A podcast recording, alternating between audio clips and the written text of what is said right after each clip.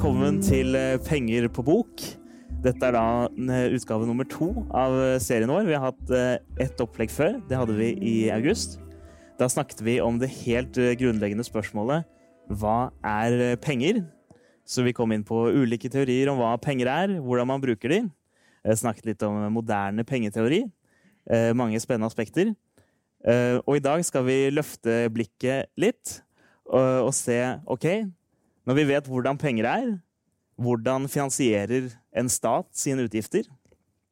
Og når vi vet hvordan en stat finansierer sine utgifter, så skal vi undersøke hvordan vi kan bruke denne innsikten til å løse klimakrisen og få i gang et eh, grønt eh, skifte.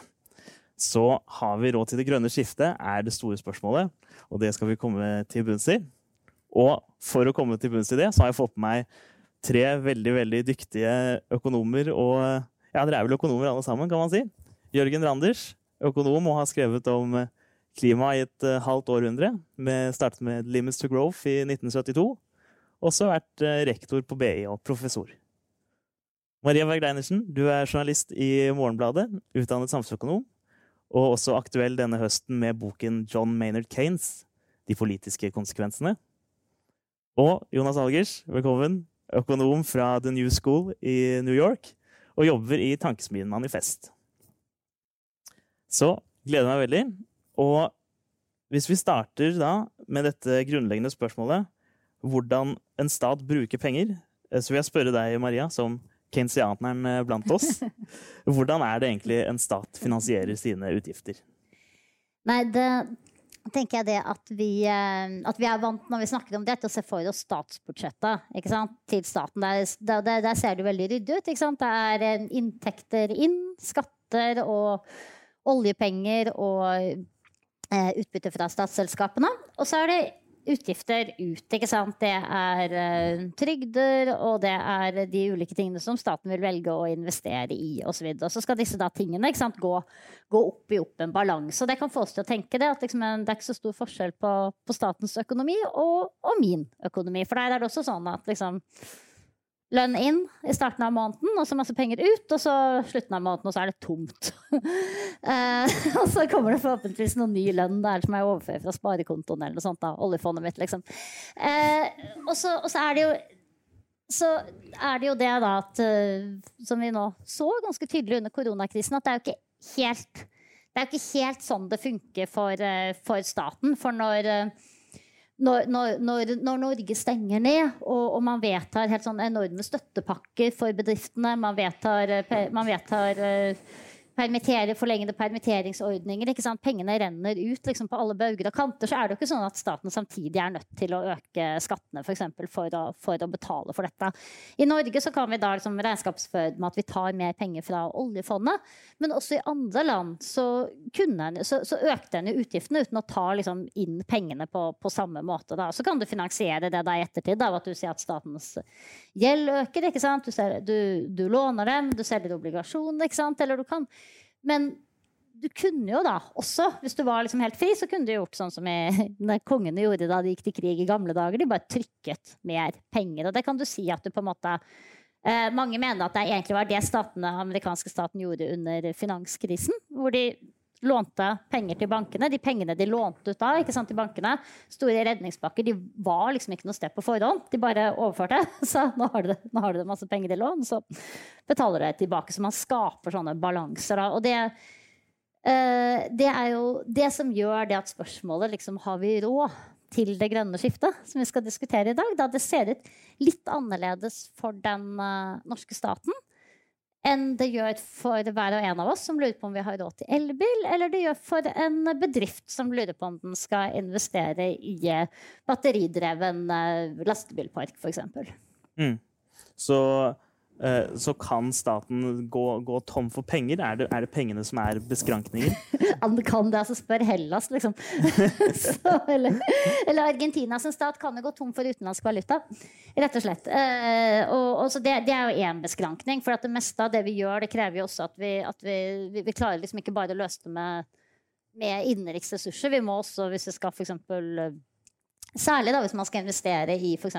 lyntog, eller noe sånt, vil man være nødt til å, å, hente inn en del ting fra utlandet. Så det, På den måten kan jo en stat gå Om ikke tom for penger, så kan en stat gå på en måte tom for kreditt. På den måten at eh, er blitt så stor og økonomien ser så vanskjøttet ut at ingen har lyst til å låne dem penger mer. Og da er det rett inn i IMF, og da må du liksom gi fra deg hele handlefriheten din og masse spareprogrammer og sånt for å få lov til å låne mer penger. Så det, det, det er jo en ting som som kan skje, selvfølgelig. Mm. Men uh, uh, hvis du er uh, men, men, det som for, for, stater flest, så er det jo ikke de skrankene du går mot. De skrankene du går mot, er mer sånn selvpålagte skranker. Som i Norge så har vi handlingsregelen for bruk av oljepenger, som sier at vi sånn i et normalår bare skal bruke tre av oljefondet. Det vi mm. regner med blir avkastningen da, på hvert statsbudsjett. Eh, andre land som kan, I EU så hadde du lenge, da, den er blitt litt hulla ut nå, men det er stabilitetspakten som setter en grense da, for hvor store underskudd på statsbudsjett landene kan ha. Mm.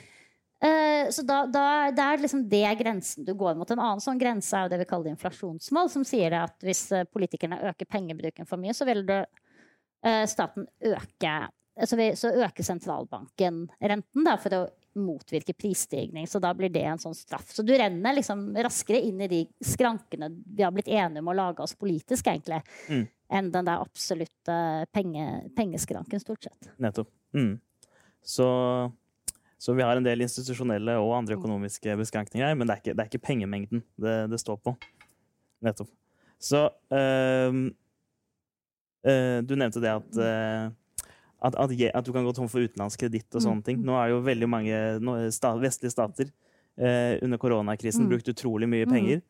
Eh, har dette noe, er, blir dette en ekstra beskrankning, eller har det å si har vi nok gass da, til å gjennomføre et grønt skifte? Uh, på den ene side kan du si at ja, du har økt statsgjelden din. Og det kan, det kan, bli en diskusjon når du kommer dit nå. For nå var det på en måte nå var det engangstilfeller, da. Så kan du si at Hvis land da legger seg på samme liksom, nivå etterpå sier at de skal låne penger til det, så kan det bli ikke sant, en, en beskrankning. På, men på den annen side så tenker jeg at det vi har oppdaget gjennom korona, det er også det at vi har kanskje har oppdaget at, at, staten, at eh, rammene er litt mer tøyelige enn vi, enn vi trodde før. Litt fordi man oppdaget det at at, man kanskje fant, at det fantes områder der man kunne øke pengebruken uten at man økte inflasjonen så mye. Eh, delvis delvis ikke. Uh, og, og, litt fordi at vi har jo laget noen I EU for eksempel, så har man jo nå laget seg noen nye redskaper. Uh, sånn som det at EU for første gang skal låne skal utstede obligasjoner, da, altså gjeld på EU-nivå, som hele EU garanterer for. At pengene da skal gå og fordeles mellom medlemslandene for å finansiere det grønne skiftet. Så du kan også si det at vi nå liksom har et, kanskje et institusjonelt landverk som er mer åpent for sånne store da, investeringer før enn nå. Men, sitter, så, men hvis vi liksom da parkerer den der liksom, pengeballen litt mm. Eh, for jeg tror det er det som er liksom, tanken at jeg skal gjøre for deg nå, så ja. kan vi gå over til å snakke om det som er de, de virkelige skrankene for, eh, for, det grønne skiftet og alt annet vi skal gjøre. Og det er jo det at en stat kan jo gå tom for arbeidskraft. da. Mm.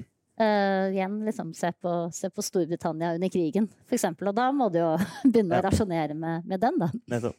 Da har vi parkert uh, pengebussen. Uh, så da går vi over til, til det store prosjektet, det grønne skiftet. Og da vil jeg gjerne starte med deg, Jørgen. Hva, hva er det egentlig som må gjøres her?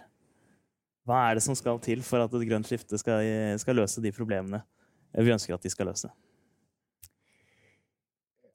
Helt fundamentalt så er det slik at eh, vi bor på en endelig klode, og det betyr at det er en begrenset mengde mennesker og en begrenset økologisk fotavtrykk som har plass på en sånn klode. Du kan ikke ha uendelig mange mennesker, og du kan heller ikke ha uendelig mange tonn brukt av en ressurs, eller tonn av fisk fanget eller tonn av CO2 sluppet ut. Du kan ha selvfølgelig så mye økonomisk aktivitet som du ønsker på en klode, for det er et abstrakt begrep, verdiskapning. Mens det er fotavtrykket som på et eller annet vis må tilpasses kloden.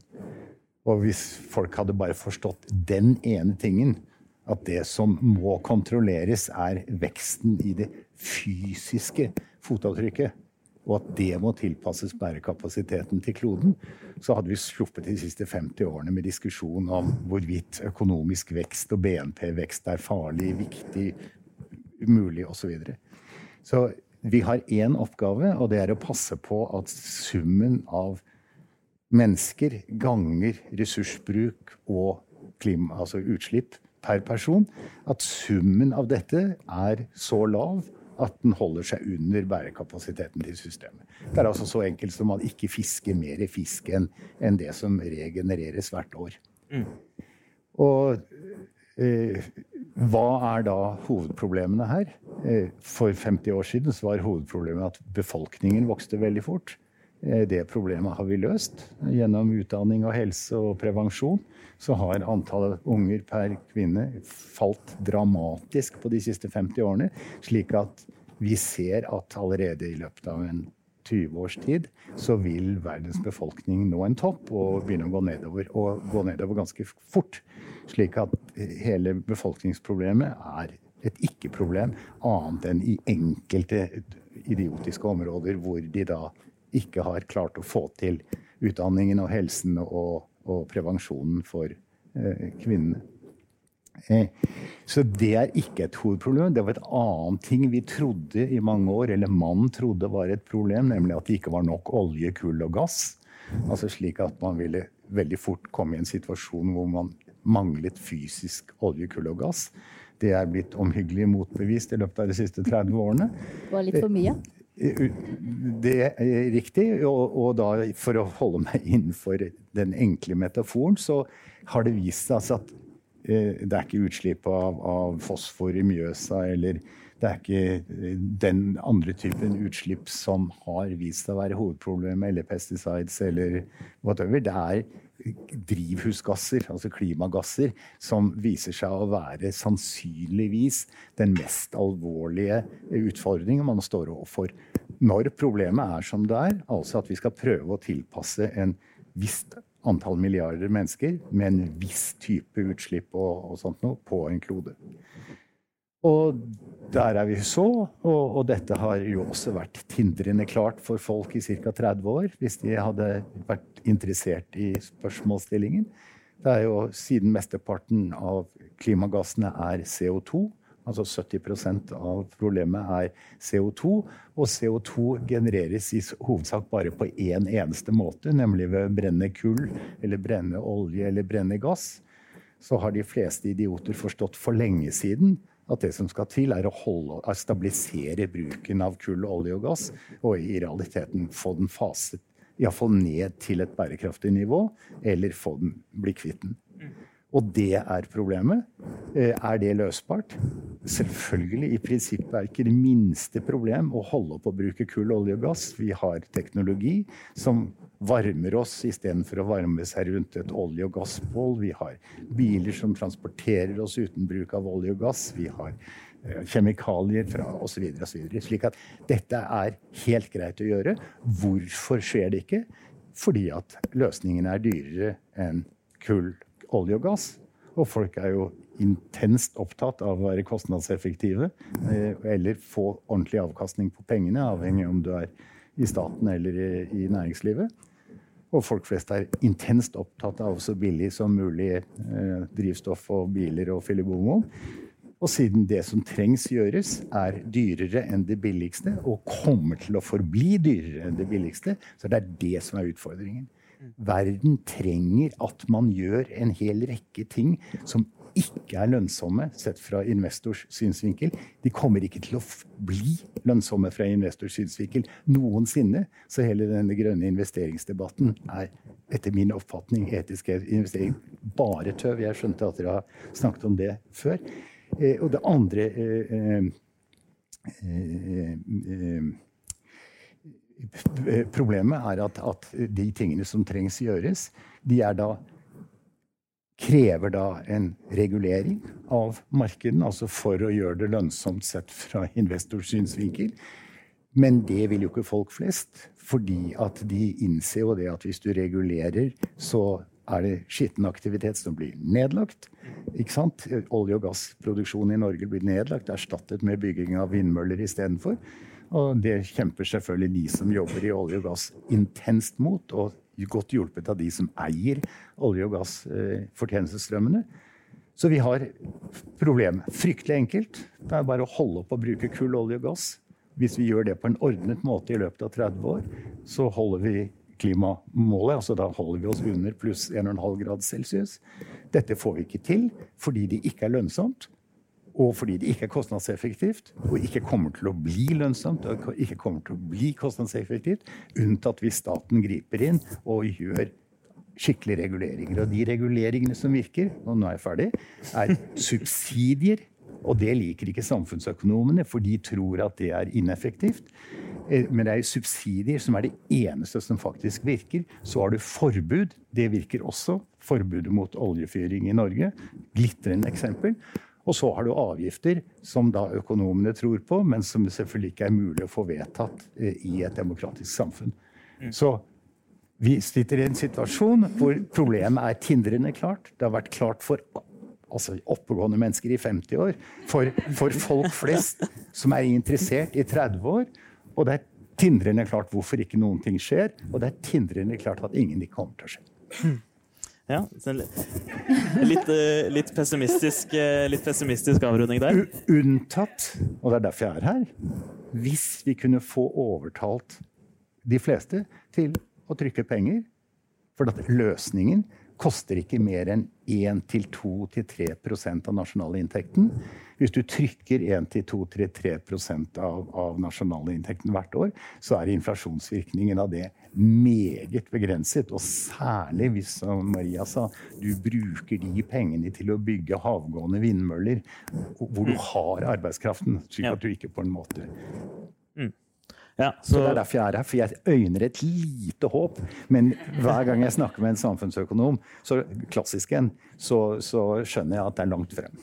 Sant? Vil, vil, viljen til å trykke penger for å løse Jørgens problem, det, det, den er svak. Ja, Så det det er, et eh, demokratisk problem som kan eh, løses ved å trykke penger. Men uh, så sier du også at, at staten, staten, må få en sentral rolle her. Og du har jo skrevet en, eh, en rapport om dette, Jonas, om et eh, grønt eh, nytt grønn ny giv i Norge sammen med Masukato. Så da lurer jeg på har, Her har vi fått at det er ikke pengene som er beskrankningen, det er kanskje en demokratisk beskrankning. Men så er det andre utfordringer som staten er veldig egnet til å løse. Så hvordan kommer staten inn i dette bildet? Jag tror ju självklart då att staten kommer ha en större roll för att vi ska kunna komma över, eh, eh, vi ska klara klimatomställningen. Eh, och eh, precis som, precis som det är jag enig i att, att vi måste ha en mer materiell tillnärmning såklart. Mm. Som eh, historisk materialist så är det ju alltid kul med materiell tillnärmning till sånt, saker och ting. Eh, men, men det handlar egentligen om resurser. Var ska vi prioritera arbetskraft? Var ska vi prioritera kraft? Var ska vi, hur ska vi eh, eh, göra detta för att bryta med ekonomins stiavhängighet? Eh, och stiavhängighet eh, tycker jag är ett viktigt begrepp för att liksom förstå vad utmaningen handlar om. Stiavhängighet det är helt enkelt att ekonomisk aktivitet idag påverkar eh, om det är lätt eller vanskligt att bedriva ekonomisk aktivitet imorgon. Så till exempel då, eh, det är mycket lättare att utveckla en lite bättre förbränningsmotor internal combustion engine imorgon uh, än att utveckla någonting som skulle kunna transformera transportsystemet i sin, i sin grund. Så vi måste bryta med, med ekonomins stivhängighet, komma in på ett nytt spår. Och Det här är ju faktiskt ett, uh, ett koordinationsproblem, men det är också ett, ett planeringsproblem.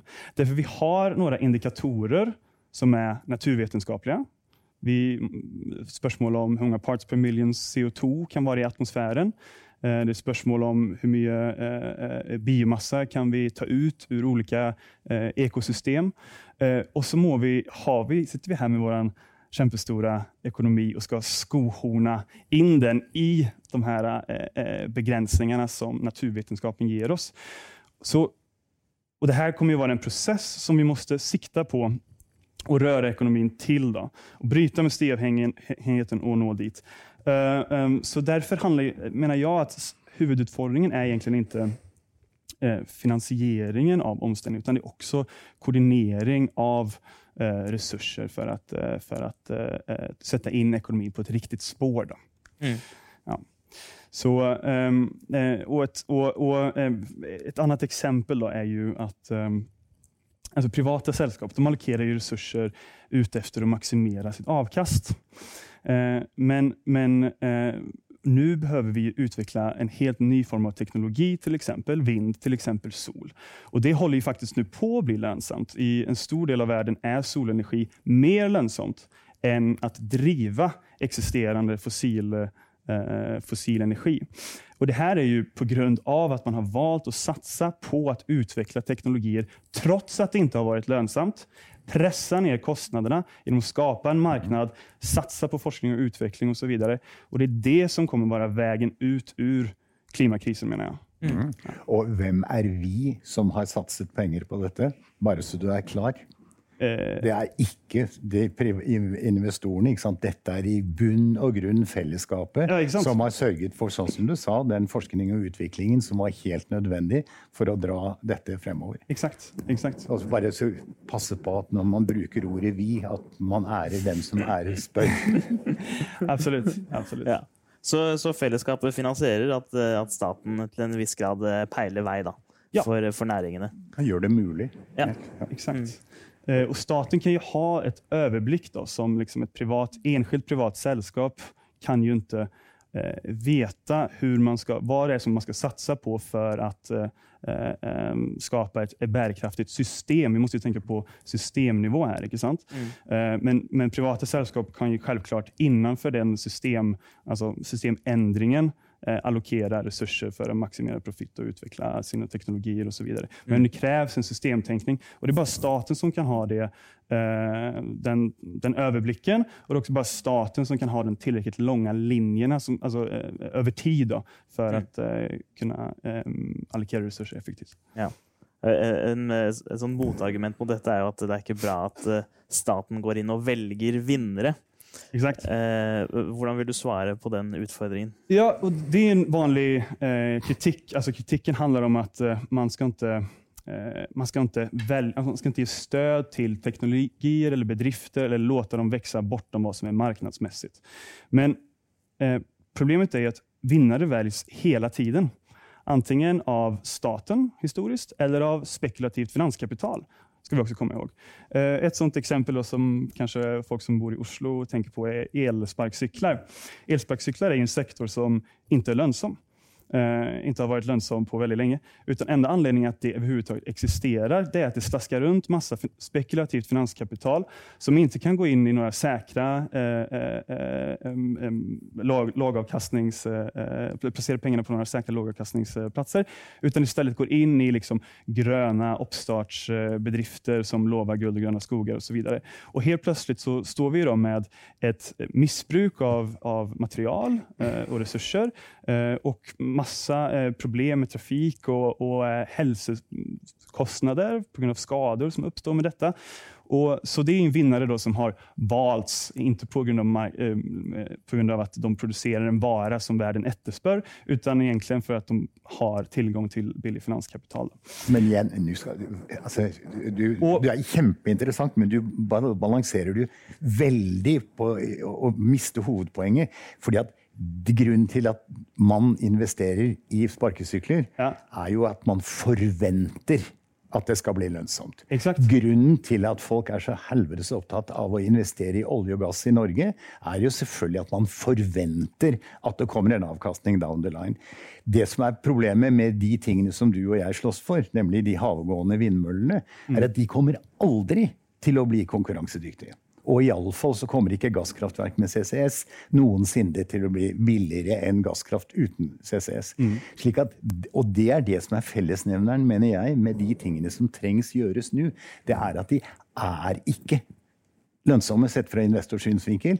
Og altså, det er ikke høy nok forventet avkastning der i forhold til alle de mulighetene som finnes omkring. Precis. Men jeg, ja. jeg skulle komme til det, det är såklart ja, basert på en forventning av avkast. Ja. Av avkast. Ja. Men det kan vi ikke veta hva som, vad som hender. Og Det finnes flere eksempel der man har eh, eh, valt och det har blivit eh, en framgång. Til eksempel så har vi jo eh, med norske oljeeventyret på 70-tallet, når man upptäckte at det fanns olje på norsk sokkel. Da kunne nederlandske og amerikanske eh, brittiska sällskap komma in och pumpa oljan. De hade mycket lägre kostnader än, en norsk industri som knappt existerade. Men man valde att det är norsk industri som ska ta del av den, eh, av den eh, grundräntan och ska utveckla sin industri alltihopa. Så poängen är liksom, vinnare väljs hela tiden och mycket av, den, mycket av den teknologi vi är avhängiga av idag har vid något ögonblick valts. Amerikanska staten är en otroligt aktiv vinnarväljare. Till exempel. Matsukatos exempel då, som vi kommer att prata om senare, det är ju såklart eh, ofta eh, internet och GPS och touchskärmen då, som alla utgör iPhonen. Och de utvecklades ju av amerikanska försvarsdepartementet. Problemet är bara att den amerikanska staten har inte valt klimatteknologi. Det är någonting man konsekvent inte har brytt sig om. Så eh, till exempel ehm, eh, man, på ett år i USA nu så använder man mer pengar på hund och kattmat än vad amerikanska staten någonsin använt på förnybar energi. Så, så då är det inte konstigt att vi inte har eh, billig eh, eh förnybar energi om vi inte satsat på det eh, tidigare. Men jag är lite oenig med, med Jörgen också i att, eh, att eh, det inte kommer att bli kostnadseffektivt. För på många platser idag är redan solceller, till exempel solenergi, mer billigere enn å drive fossil energi. Og det, er, det, og det har du selvfølgelig helt rett i.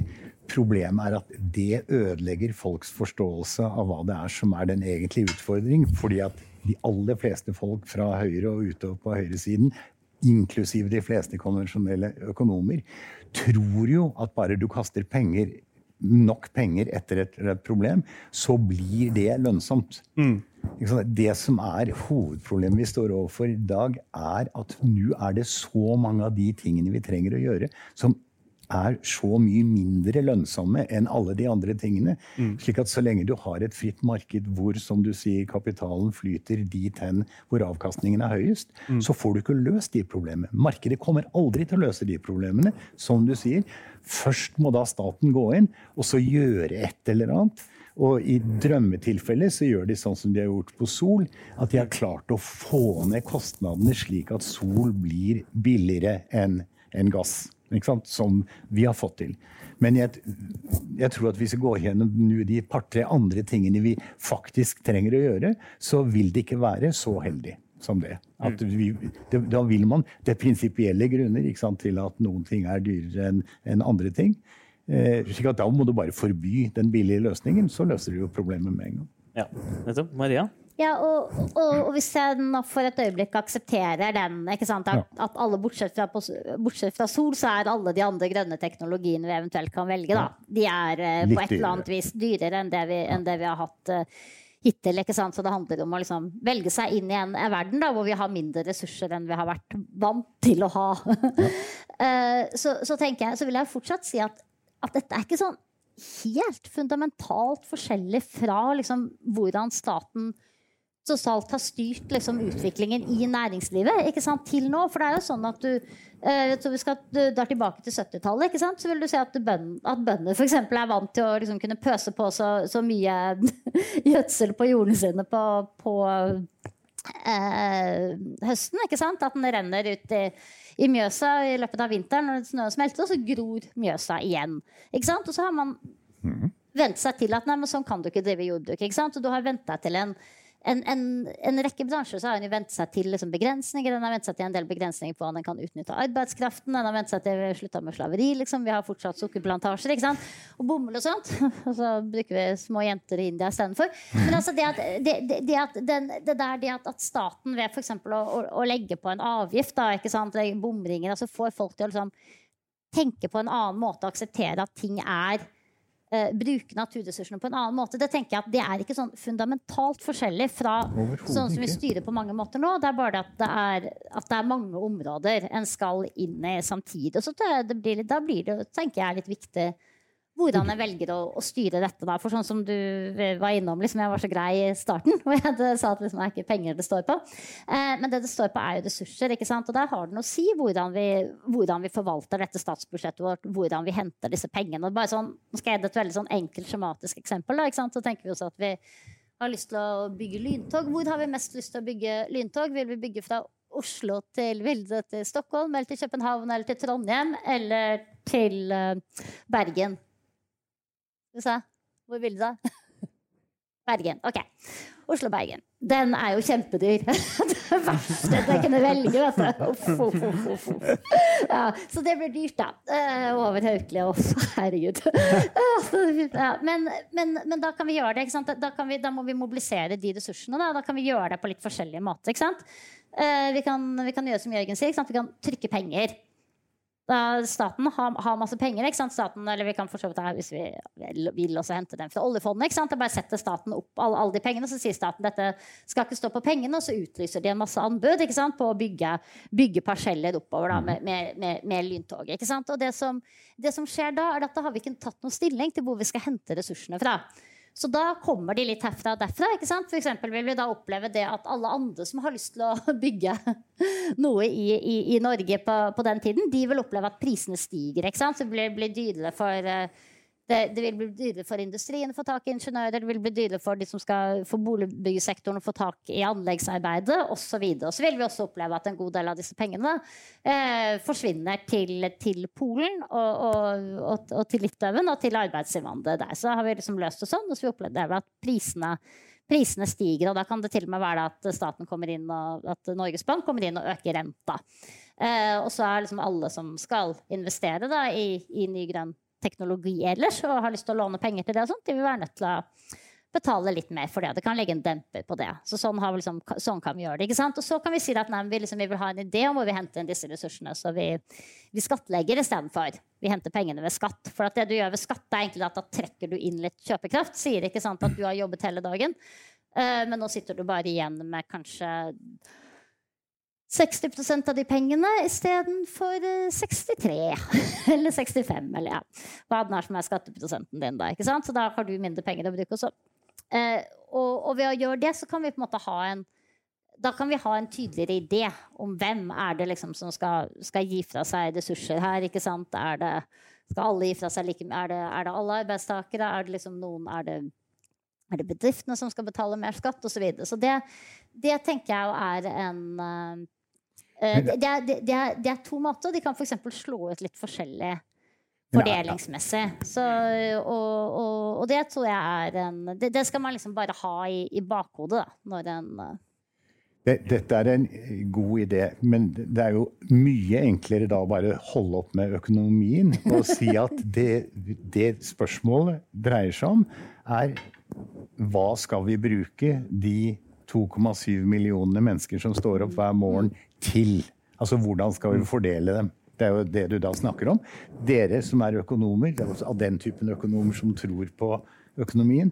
Dere, dere, dere, sier at den e, eneste måten å gjøre dette er ved å styre priser ikke sant? og få det til sånn, mens uh, brutale Kina-tilhengere som meg sier at det enkleste er jo at vi skjønner at nå trenger vi ca. 100 000 mann for å bygge Altså, Jeg ville jo aldri bygget en sånn hurtigtog, men altså, nå trenger vi 100 000 årsverk for ja. å få bygget noen ordentlige havgående vindmøller som er, koster lager, lager strøm som er tre ganger så dyr som det vi kan få noen steder. Men vi trenger dem for at vi tror at om en stund så kommer man til å trenge den typen strøm. Og da er bare spørsmålet hvor skal vi ta de 100 000 personene? Og her er det jo da veldig lett i Norge, fordi at de skal vi selvfølgelig ta fra dem som allerede kan sveise, og som står på Aker Verdal og holder på med dette hele tiden. Og så skal vi ta noen administratører som sitter i Stavanger, og så skal vi ta noen sånne kantinemedarbeidere fra noen av de andre oljeforvalterne. Skal vi flytte dem bare over, så de gjør noe annet med tida si.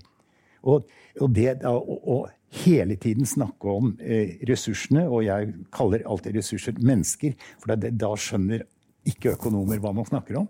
At, det, at, hele greia dreier seg om hva skal vi bruke menneskene til? For kapitalen, altså utstyret som disse har altså De gutta på Verdal har jo da heldigvis eh, sånne sveiserapparater og det hele. Og de har Gantt-diagrammer, og de kan styre store prosjekter. Og de kan alt det andre som trengs. Ja. Så, så, spørsmålet er bare hvordan du da tar de fra oljeriggen og putter de og helt, gjør noe annet. Helt riktig. Og, og, så, og da kommer Marias argument inn. At den enkleste måten å gjøre det i dag, er jo bare at Stortinget sier at vi legger ut nå eh, en anbudsinnbydelse. Vi er villige til å betale 30 milliarder kroner for å få bygget da, to svære vindparker, eller tre. Jeg husker ikke hvor mange det var vi fikk for de 30 milliardene. Men, men, men eh, i året. Og så, men så sier vi, så må vi jo da begynne å bryte med Bretton Woods og, Washington Consensus. For vi vil ikke ha polakker til dette. Vi vil bruke de som da mister jobbene sine når Stortinget gjør den andre tingen, nemlig å holde opp og, og, og dele, dele, ut letebetingelser. Så poenget, grunnen til at jeg ikke tror at dette kommer til å skje, er at det er dessverre så mange ting som må skje samtidig. For at du må jo også, akkurat som Marie og du også sier, Jonas, at at vi må jo tenke på valutainntektene i samme slengen. ikke sant? For ellers så begynner jo det å bli tull med kroneverdien. Og så må vi passe på at vi ikke vil ha for mye arbeidsinnvandring. Så vil vi ikke ha arbeidsutvandring heller. Så det, det er ikke lett å få det til. Men jeg tror det er lettere å få det til hvis du snakker om det. Altså at jeg husker altså for, Da vi skrev stortingsmeldingen 25 om petroleumsnæringen i Norge i, 1975, så prøvde jo økonomene i Finansdepartementet den gangen å forklare folk at vi lever ikke av penger. Vi lever av sykesøstre. Altså, så, så, det er ikke slik at vi pumper opp sykesøstre av, av, av uh, plattformen. Ikke sant? Ikke sant? Slik at for at de pengene skal omsettes til ressurser, altså til nytte, så må du ha en sykesøster innimellom. Du må ha en sykesøster. Ja. ja.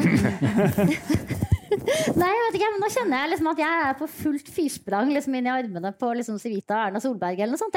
Ja, ja det, er, at, det er du. Og det er du. Som nei, men jeg, for at jeg, jeg, tenker det du gjør nå, da. ikke sant? Du, sitter, du var så opptatt i sted av vi, liksom. Hvem er vi, de som bestemmer dette? ikke sant? Og, og nå sitter du med et vi, da, som er staten, ikke sant? som skal flytte rundt på disse folka. Egentlig tenker du deg nesten at man bare kunne kommandert dem, rundt som Kina. ikke sant? 100 000 ut der og bygge vindmøller, liksom. Helt riktig. Uh, og, og, så må, og, så må, dette vi-et, da, staten, ikke sant? Det må, må, må, da sitte og tenke ja, hvem er det skal disse folka være arbeidsinnvandrere? Skal de ikke ta, ta masse beslutninger? Yes. Det er liksom det vi uh, Det er jo ofte det som fremheves som en av fordelene da, med liksom å bruke priser og økonomi og, og en viss markedsøkonomi. At du slipper å ta hen, du, du slipper liksom å, Vi slipper å ta stilling til alt dette. ikke sant? Du skjuler eh, alle uh, ja, no, Noen av disse liksom, avgjørelsene tas i et marked. Og det tenker jeg jo faktisk at når en skal gjennom dette grønne skiftet Du snakka om at det er et systemproblem, ikke sant? Et koordineringsproblem. Da.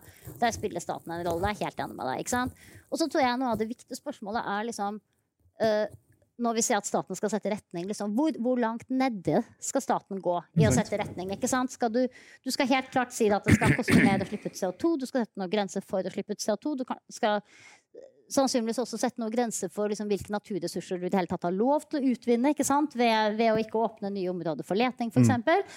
Okay, og så skal, skal, du si det også, en, også må du velge noen liksom, teknologier. ikke sant? Noe mm. koordinering. Du må, så kan, du må, sånn som vi har gjort på elbiler. ikke sant? Si at det er elbil vi skal satse på, ikke, noe, ikke en annen form for sånn eh, lavutslippsmobilitet. ikke sant? Du må ta samme, kanskje må staten ta samme beslutning når det gjelder anleggsplasser. ikke sant? Fossilfrie anleggsplasser. Er det hydrogen eller er det batterier du skal gå for? Kanskje trenger du ikke det. ikke sant? Kanskje, det, kanskje kan noe, på et eller annet nivå her, ikke sant? på et eller annet sted så vil det liksom også være meningsfylt. Og la det være opp til næringslivet, la det være opp til uh, forbrukerne å velge disse løsningene. I hvert fall en god stund så vil det være lurt liksom, at en har flere konkurrerende løsninger. Ikke, ikke fordi, mm. fordi, at du faktisk ikke vet da, hvilken vinner som er, er best. Og det er mye av liksom, jeg tenker, planleggingsutfordringen nå. Det er liksom fra en stats side da, å stå på liksom, hvor, hvor langt ned må du styre?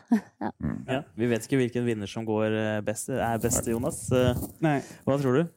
Nej, men det, alltså, man kan ju aldrig, man kan aldrig vara helt sikker. Liksom. Men det är några saker vi kan vara ganska säkra på nu. Det är till exempel att havvind sol kommer vara ganska viktig i framtiden. Och Vi kan också veta att eh, petroleums, eh, alltså vi kommer, efterspörseln efter eh, petroleum kommer till att falla över tid fram, framöver. Så nu är det en ganska enkel, alltså, jag tänker också en väldigt enkel måte att liksom förhålla sig till planer, plan, planering av och koordinering av, av resurser och arbetskraft. Det är till exempel att reducera aktiviteten i petroleumsektorn samtidigt som staten skapar olika eh, bruker contracts for difference och alla möjliga olika eh, tiltak for å se til at eh, utbyggnaden eh, eh, for havvind går opp gjennom å skape marknader for havvind og ditt og datt. Og da er det veldig enkelt at man reduserer aktiviteten i petroleum og da betyder det at man ikke, har, man ikke over, overan, overanvender arbeidskraft helt så at det blir veldig dyrt. Liksom. Da reduserer du kostnadene også for havvind.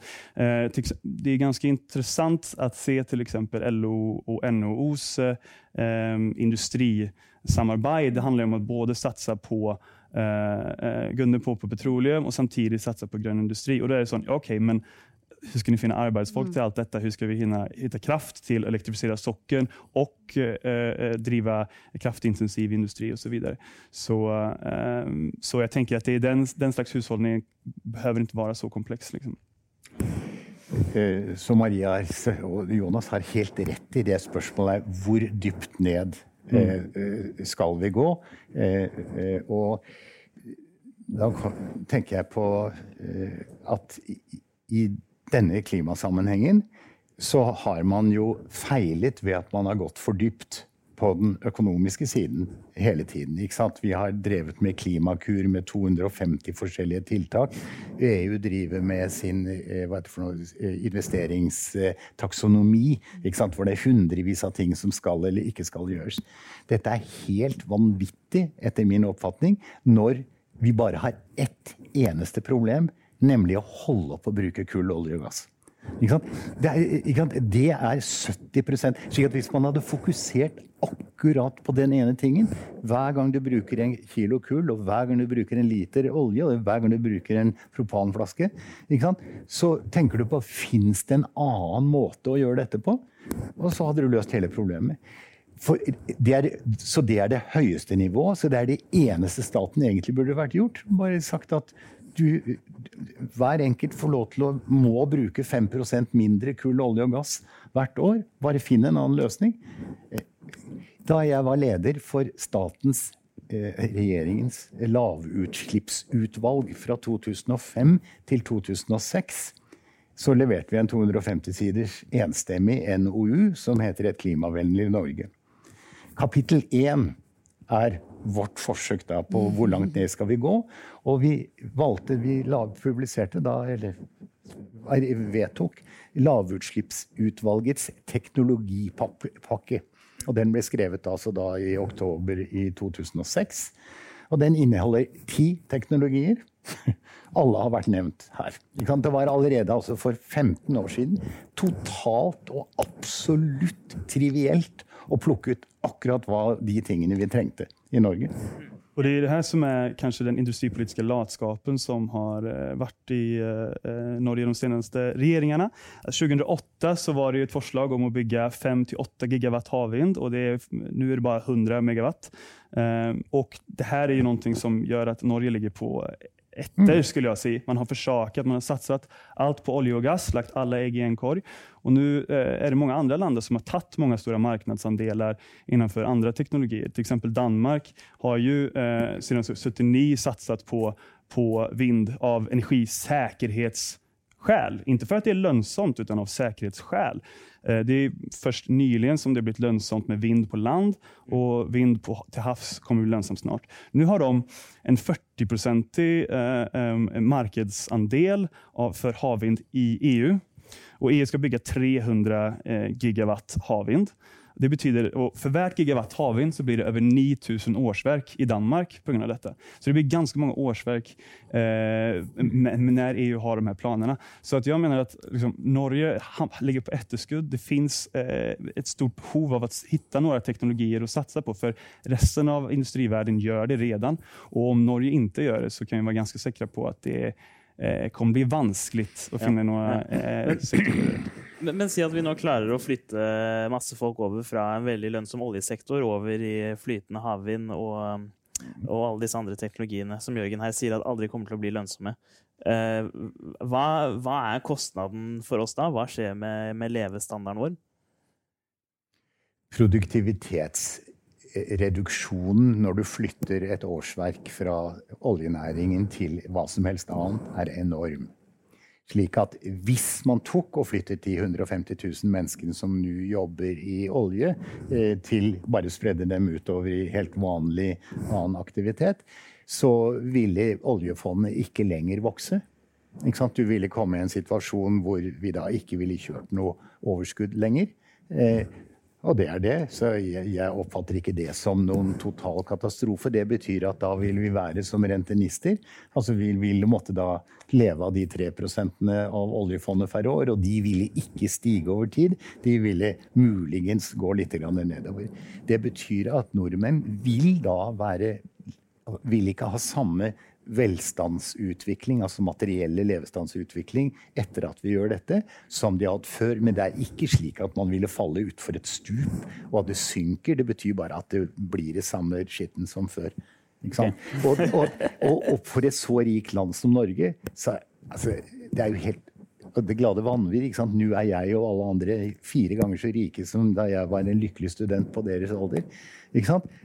Fire ganger så rike. ikke sant? Og det ser ikke ut som det har ledet til noen særlig økning i lykken. ikke sant? Fordi at alle er blitt fire ganger rikere. Hadde det vært slik at det var bare jeg som ble fire ganger rikere, og dere var der dere var, så hadde det vært fint. Så, så, nei, så, så, dette er svaret. Ja. Det, er, det, er, klart at vi ikke klarer å opprettholde samme veksten i formue, altså petroleumsfond, og inntekt dersom vi flytter 150 000 fra en superlønnsom aktivitet til en annen. Grunnen til at vi likevel skal gjøre det, er det at vi ødelegger verden når vi gjør dette. Pluss at vi er ikke lenger helt sikre på at EU kommer til å være der og kjøpe denne gassen om 20 år. Og følge, så kan, hvis vi fortsetter sånn som vi kommer til å gjøre, så kommer vi sannsynligvis til slutt måtte subsidiere norsk gassproduksjon i Finnmark. Så vi kommer da til å ta petroleumsfondpenger og betale da folk oppi der for å produsere gass som ikke er salgbar. Ikke det er den mest sannsynlige scenarioet. Hvis du vil la det hele bare avsluttes ved at markedsprisen og kjøpeviljen i resten av verden for norsk olje og gass gradvis synker. Og dette kommer jo til å skje innenfor deres levetid. Det kommer ikke til å skje innenfor min levetid. Så jeg er jo heldigvis glad og fornøyd som følge av det. Men de av dere som betaler skatt nå for at altså, som så skal gis til oljenæringen for å lete etter ting som kommer til å bli produsert om 20-30 år. Altså, det ville ikke jeg vært med på. Mm. Ja, så vi må akseptere, et uh, velstandstak. Ja, et, et, et, flott. Og ikke, ikke, ikke velstandstap, Nei. men et velstandstak. Og så, etter at vi da har tilpasset det taket, så fortsetter jo markedsøkonomien med verdiskapning. Altså denne 2% i året, vanlige produktivitetsveksten, kommer til å fortsette i målt i verdier. Altså dollar per år, ikke i tonn per år. Ja. Siste poenget med Kina. Kineserne er jo ikke så dumme som folk flest tror. Kinesiske økonomien er 80% markedsøkonomi. Hvor de driver akkurat sånn som oss. Og så har eliten, de 90 millioner medlemmer av partiet, tatt kontrollen over ca. 20% som er investeringsvare. Og hva gjør de? De gjør akkurat sånn som Norge fra 1945 til 1965. De stiller spørsmålet hva er det vi trenger. Vi trenger flyplasser, vi trenger highways, vi trenger hurtigtog. Vi trenger ditt og datt. Så bare bygger de de tingene. Og, så, og, siden de er så smarte at de driver med dette mens totaløkonomien vokser med 6-7 i året, så om da staten tar av 1-2% og bruker til å bygge highways og slagskip og alle den typen ting som kineserne gjør, så er jo folk like glade. Så lenge deres inntekt stiger med mer enn et par prosent i året, så får du ikke revolusjon. Ikke sant? og, og, og Sånn, og Derfor kunne vi gjøre den samme typen ting fra 1945 til 1965. For da steg også eh, produktiviteten i Norge veldig kraftig. Slik at om staten da tok en god del av dette og bygget landet, så var folk egentlig happy. Ja, er det, så, er det så greit, eh, Maria? Ja, men Jeg ser ikke helt forskjellen. For du kan jo si at staten, Det gjør jo staten i Norge. Ja. I dag også tar jo en ganske god jafs av ressursene våre og bygger, eh, bygger motorveier. da. Og, ja stanger kanskje mot det jeg vil tenke er den andre grensen her som vi ikke har snakket om i dag, som er liksom areal. da. Hvor mye plass er det til, er det til, til menneskene og vindmøllene våre her? ikke sant? Og hvor mye plass er det til, eh, til, til resten av, av, naturen på kloden? Men. Det kan vi jo da løse ved å sette en, kanskje en vindmølle oppå en, en oljeplattform. Ja, det løser vi jo for færre mennesker. Ja. Men, eh, men, det men, men, jeg er enig med deg i dette med at, sant, at, vi, at vi er at uh, Altså på et eller annet vis det, er, det å flytte folk liksom, fra oljenæringen, så mister du noe. Staten vil merke det. Staten vil merke at disse liksom, inntektene som bare kom og kom og kom, at de, eh, de, vil, sitte litt, de, de, vil sitte litt lenger, litt lenger, inne. Men samtidig så er det jo verdt å merke seg da, at, eh, at i liksom bare løpet av liksom, siden oljekrisen i 2014 var det vel, så har oljeprisen stort fall i oljeprisen da, så har vi jo allerede sant, har det forsvunnet en masse arbeidsplasser i oljenæringen og rundt oljenæringen. ikke sant? Og det er ikke sånn at det går liksom masse arbeidsledige oljearbeidere rundt liksom, i gatene i, i, Oslo. Det går ikke masse rundt i gatene i Trondheim heller. ikke sant? Og, og, og selv i Stavanger. Liksom. Så, så, så, de har, så, det har jo kommet over i andre, andre yrker. Og det tenker jeg er litt sånn, det er jo det jeg tror at den der metaforen med å skru av kranene da, er, mm. ganske, er litt sånn, den er ikke nødvendigvis så veldig konstruktiv for debatten. ikke sant? For det, det, gjør det at man ser for seg sånt du, liksom, du, du, skal ikke gå på jobb i morgen. og ingen andre, ingen andre bransjene skal gå på jobb i morgen heller. Og da, da, skjønner alle at det blir litt sånn som det var i Stavanger under oljekrisen. Og det var ganske trist. Liksom. Da forsvinner kafeer, da forsvinner mm. liksom, næringsliv. Da, da, da, sliter alle, ikke sant. Øh, mens, øh, mens, det som, som, faktisk har skjedd da, ikke sant? det er jo en sånn en, en gradvis forflytning av arbeidskraft fra oljenæringen og, og til andre, mm. andre næringer. Og det er liksom mulig å mulig å absorbere. For jeg, jeg er ikke så redd for det der liksom, velstandstapet. Jeg vet ikke hvor, hvor, stort det blir heller. liksom. Blir i Sverige. Det blir fælt. Uh, men, men, men, jeg tenker, men, jeg tenker, det er greit å ha liksom i bakhodet at ja, det er ikke sikkert det er så lønnsomt. Men, er, men, det jeg er veldig redd for, er jo de der bråstoppene. ikke sant? Hvis, ikke, hvis, det ikke er vi som har styring på denne overgangen, men hvis vi lar styringen komme liksom ved en sånn oljepriskrise hvert femte eller hvert tiende år, da, ikke sant? hvor en masse arbeidsplasser går tapt i én smukk. Mm. Uh, for det innebærer jo et velstandstap. Ikke sant? Vi vet jo at For hver sånn krise så er det folk som ikke kommer tilbake igjen i arbeidsmarkedet. ikke sant? De forsvinner ut på ulike trygdeordninger. Og, ja. Mm. Men det er jo ja. det, oh, sorry. Jonas hadde Nei, men jeg skulle bare si det, at, altså, var viktig å komme ihåg også at omstillingen er, altså, kommer være sannsynligvis en av de største mobiliseringene av eh, ressurser eh, liksom, på veldig veldig lenge. At det kommer kreve utrolig mye arbeid for å klare av denne omstillingen. Liksom. Vi, og I, i, i, i A-rapporten så, så vi at eh, etterspørselen etter eh, sol og vind og denne typen av teknologi kommer å eksplodere i årene framover. Liksom. Mm. Så, så, jeg tenker at om man lykkes altså Spørsmålet handler om klarer Norge av å lykkes å plassere, plassere seg strategisk for å ta del av denne eksploderende etterspørselen. Ja, da kom, kommer det være mulig å liksom klare en bra omstilling omstilling från uh, oljegiran kommer man inte kunna placera sig strategiskt inför den här, uh, den här om, omvälvningen och ta en del av, av uh, etterspørselsexplosionen, ja, da kommer det bli vanskelig. Mm. Ja. Jeg skjønte plutselig at jeg muligens er misforstått når jeg sier at vi skal holde opp å bruke kull, olje og gass så betyr det at vi skal vedta en 30-årsplan hvor vi redu reduserer bruken av kull, olje og gass med 3% per år i, i 30 år. Altså, ja. for, og, og ja, nei, jeg tenkte ikke på deg. Jeg tenkte på det at vi, at vi har snakket en hel valgkamp nå hvor Frp har stått og sagt at vi skal ikke skru av kranene, liksom. Ja, nei, skal, men, det, men, det, er det man dreier seg om. Og grunnen til at jeg gidder å nevne det igjen, er at det eneste man som norsk borger oppegående på det nåværende tidspunktet burde være i favør av, er jo bare å holde opp og dele ut nye letetillatelser. Altså, det er den mest smoothe måten. Det er enkelt, det er et vedtak. Hvis vi gjør det, så kommer oljenæringen til veldig gradvis å følge en sånn 3 minus 3% per år eh, bane frem til 2050. Eller unnskyld, inntil oljeprisen blir så lav at gassprisen blir så lav at vi ikke kan selge gassen. Nettopp. Ja, øh, nå er vi snart ved veis ende, men jeg tenkte å på en måte bringe dette litt tilbake.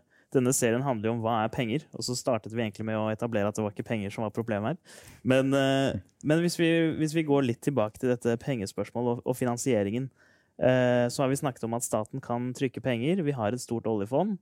Eh, har det noe å si hvordan vi velger å finansiere denne omstillingen? Om vi trekker fra oljefondet, om vi låner fra utlandet, eller om vi rett og slett trykke våre egne penger? Ja, det har, det, altså Hvis det er alternativene, mm. så er det klart at det er stor forskjell. For hvis vi låner pengene fra utlandet, eh, så skylder vi jo folk valuta. Og det legger store beskrankninger på hva landet kan gjøre. Eh, hvis vi eh, velger å, å, å, ta dem fra oljefondet, eh, så har det ikke så store virkninger. Det betyr bare at avkastningen i fremtiden er litt mindre. For at de pengene vi trenger Vi trenger jo vi vet at vi trenger iallfall ikke mer enn 150 milliarder i året, som er den årlige investeringen i olje og gass. Altså, det, det går ikke ned til null det, altså det kommer til å gå gradvis til null da, over, over eh, noe, 30 eh, år. Så det betyr at det, vi trenger ca. 5 nye milliarder kroner per år. Om vi tok de 5 milliardene kroner i tillegg til de 250 milliardene vi allerede tar hvert år fra oljefondet så, vi har regnet på dette. Altså, du, klarer ikke å se det engang. Det er tykkelsen på tråd osv. Slik at det er løsning nummer to. Ta dem fra oljefondet. Veldig greit. Eh, etter min oppfatning. Det siste er eh, Eneste ulempen her er selvfølgelig at det bryter med handlingsregelen. Og at de kloke menneskene som har satt på plass handlingsregelen, har jo helt rett i at hvis du først setter den i spill, så er det slippery slope, som det heter, og det er ikke så lett, og, og, og så har du den siste greia, som er å trykke pengene, som er det jeg ville gjort. Det er jo selvfølgelig ulovlig eh, etter eksisterende lovgivning, men det krever jo ikke noe annet enn at uh, avtalen om rundt Norske Bank, om Norges Bank, rejusteres. Og jeg ville sagt at det å trykke de fem milliardene ekstra som du trenger hvert år, og så bare overføre fra altså med tastetrykk, da bokstavelig talt, fra Norges Bank konto til Stortingets driftskonto, slik at de så da kan legge ut anbudsinnbydelsen og hele greia. Det må jo være en utrolig mye enklere måte å gjøre dette på enn alle de andre. Er dere enig i det, Jonas og Maria? Alltså det, det, bruk, jag, jag, brukar man pengar från oljefonden så kommer det påverka valuta, eh, valutarelationer mellan norska kronan och utlandet. Ikke sant? Och om, om, staten tar upp lån så kommer det finnas bättre möjligheter för privat sektor att hitta stabila och säkra liksom, uppsparingsmöjligheter. Liksom. så, så jag vet inte, det, det, jag tänker det finns många olika eh, kombinationer man skulle kunna göra av det. Jag tänker staten absolut skulle kunna, bör kunna få ta lån, för nu är räntorna så lava. Så ta, eh, bruker det liksom, det tillfälle til, till att, till att ta lån og satsa på å investere. Men det, det, viktige er at det er så utrolig små beløp. Altså Folk har en følelse at dette dreier seg om veldig store penger. Altså Vårt bruttonasjonalprodukt er 3500 milliarder, og vi bruker 150 av disse det er hele oljenæringen. Vi snakker om å Det er et lite beløp. Maria? Ja. Nei, altså, du er vel nesten inne. Jeg tror at du, at du nesten er innafor handlingsregelen. Hvis vi, nå sjek, ja. Sist jeg sjekka, så var vel oljefondet på ja, eh, 11, ja, 11, 11, 11 800 milliarder eller noe sånt. Ganger tre er og så, ikke sant, Ganger tre så er du nesten liksom, du har, Det er på en sånn 350 milliarder eller noe sånt. Så, du, så, du, så, du, kan si at det er, det er ikke nødvendigvis liksom, det som er uh, vil, vil, være den, den, store diskusjonen. Dere hadde vel den Masukato-rapporten, så trenger du vel 100 milliarder sånn Ja, eh, ja, totalt, er det året? Nej, det var, vad, vi skrev, vad vi skrev var, var att det kommer vara ett fall av investeringar på ja. norsk socker ja. som kommer kräva eh, tid att man måste fylla opp, ja. så du får mm. tilstrekkelig aktivitet. Så, men, men, men, jeg tenker at den skal liksom være litt sånn innafor her hva, uh, hva, hva er konsekvensene på hvordan vi velger å, å hente disse pengene? For, uh, for, for eksempel, altså jeg tror kanskje at Hvis en velger å trykke pengene, så har du også en jobb å gjøre da, ved å overbevise folk om at dette ikke er noe som noe som kommer til liksom, å, å, fortsette inn i evigheten, så tror jeg det er en annen ting her som er litt med dette liksom, Skal du hente pengene fra oljefondet, skal du skattlegge og sånn, som er det at det har eh, det har vært et problem for altså, norske politikere. har rett og slett liksom hatt et, et uh, har jo vist seg liksom hittil at det har hatt et problem med å prioritere. ikke sant? Så man har, uh, Istedenfor har man liksom lagt uh, nytt godt av økende oljeinntekter, da, som gjør at staten har tatt en stadig større, større plass i norsk økonomi uten at du kanskje egentlig har fått de her tydelige liksom, retningsskiftene eller invester fremtidsretta investeringene som du, som du tenkte deg at skulle komme med økt oljepengebruk. Og Derfor er jeg ikke helt sikker på om det å for trykke penger da, vil være en sånn god idé. For det vil kanskje åpne for at man i enda mindre grad er nødt, liksom, våger å ta de prioriteringene selv. Og da kan det jo være at du blir sittende igjen litt der hvor, hvor LO og Norsk, Norsk Industri er da sammen, hvor du skal satse på alt. Ja, ja. Uh, og, du, og du skal dempe alle, alle fall, ikke sant? Og du skal ikke ha Du, du skal ha billigere diesel i distriktene, og du skal liksom ha eh, og, og summen av det kan jo være det at du, at du liksom diskrediterer det grønne skiftet litt, for at det blir gjort på en veldig, veldig, veldig dyr måte. Så ser jeg det nikkes fra Civita der borte. Eh, men, så, så jeg tror man liksom skal, tror man skal ha liksom en, en, en litt sånn uh, bevisst tanke da, om at, eh, at hvis de sier det at liksom, penger på ett vis ikke er den absolutte begrensningen her med oljefondet, og sånt, så er jo liksom de ressursene vi bruker, det, det, er- det er en begrensning. ikke sant? Jeg tror ikke du skal, du, vi kan snakke om at vi har liksom gode og private og mange flatskjermer og sånt, men, men det er jo mange steder du skal liksom ikke så langt bort på skoler eller på sykehjem i Norge, ikke sant? så vil du finne, finne folk som opplever at de lever med veldig sånne reelle ressursbeskrankninger. ikke sant? Og, og, og det er ikke sikkert det vil føles som noen av dere sitter sikkert i salen også. Da tenker jeg da at da vil det ikke føles så veldig ok at man liksom bare at man liksom smører det her grønne skiftet med liksom bare å dæsje ut, eh, ut penger til alle som tilfeldigvis har hatt en jobb i, eller en bedrift i oljesektoren. Da er vi eh, fem minutter over tida, eh, så det var det vi rakk. Men eh, Jørgen, Maria, Jonas, tusen takk for at dere kom og planla det grønne skiftet for oss. Takk skal dere ha. Det er litt sånn detaljer igjen, da. Og så, som en eh, liten takk, så skal dere i eh, kjent stil få boken 'Hva er penger?', skrevet av Roman Eliassen. En eh, lojal støttespiller og medlem av fagrådet til Rethink Economics Norge. Tusen takk. Nå har jeg fem. Så, Då slår du meg. jag har bare tre. jeg, har, jeg, jeg har flere er det, For at jeg har til og med, med Romans greie signatur i, pluss alle mine egne kommentarer. Så hvis det er noen som har lyst på den fra meg, så er det bare å komme. Og så vil jeg bare melde Det om bør dere slå er til på, for det er en kjempebra bok. ikke sant? Ja, det er en kjempebra den, bok. Det er virkelig. Rett og, rett og slett. Det er en utrolig bok, så den er det bare å kjøpe, alle sammen. Eh, Så vil jeg bare minne om at det er veldig viktig at alle registrerer seg på vei ut eh, av koronahensyn. Så da kan dere bare gå til eh, mannen i skranken bak der og bli skrevet inn. Takk for nå, så ses vi neste måned. Da blir det bolig, boliger og penger. Der det er husrom, er det hjerterom. Eller omvendt. Vi ses!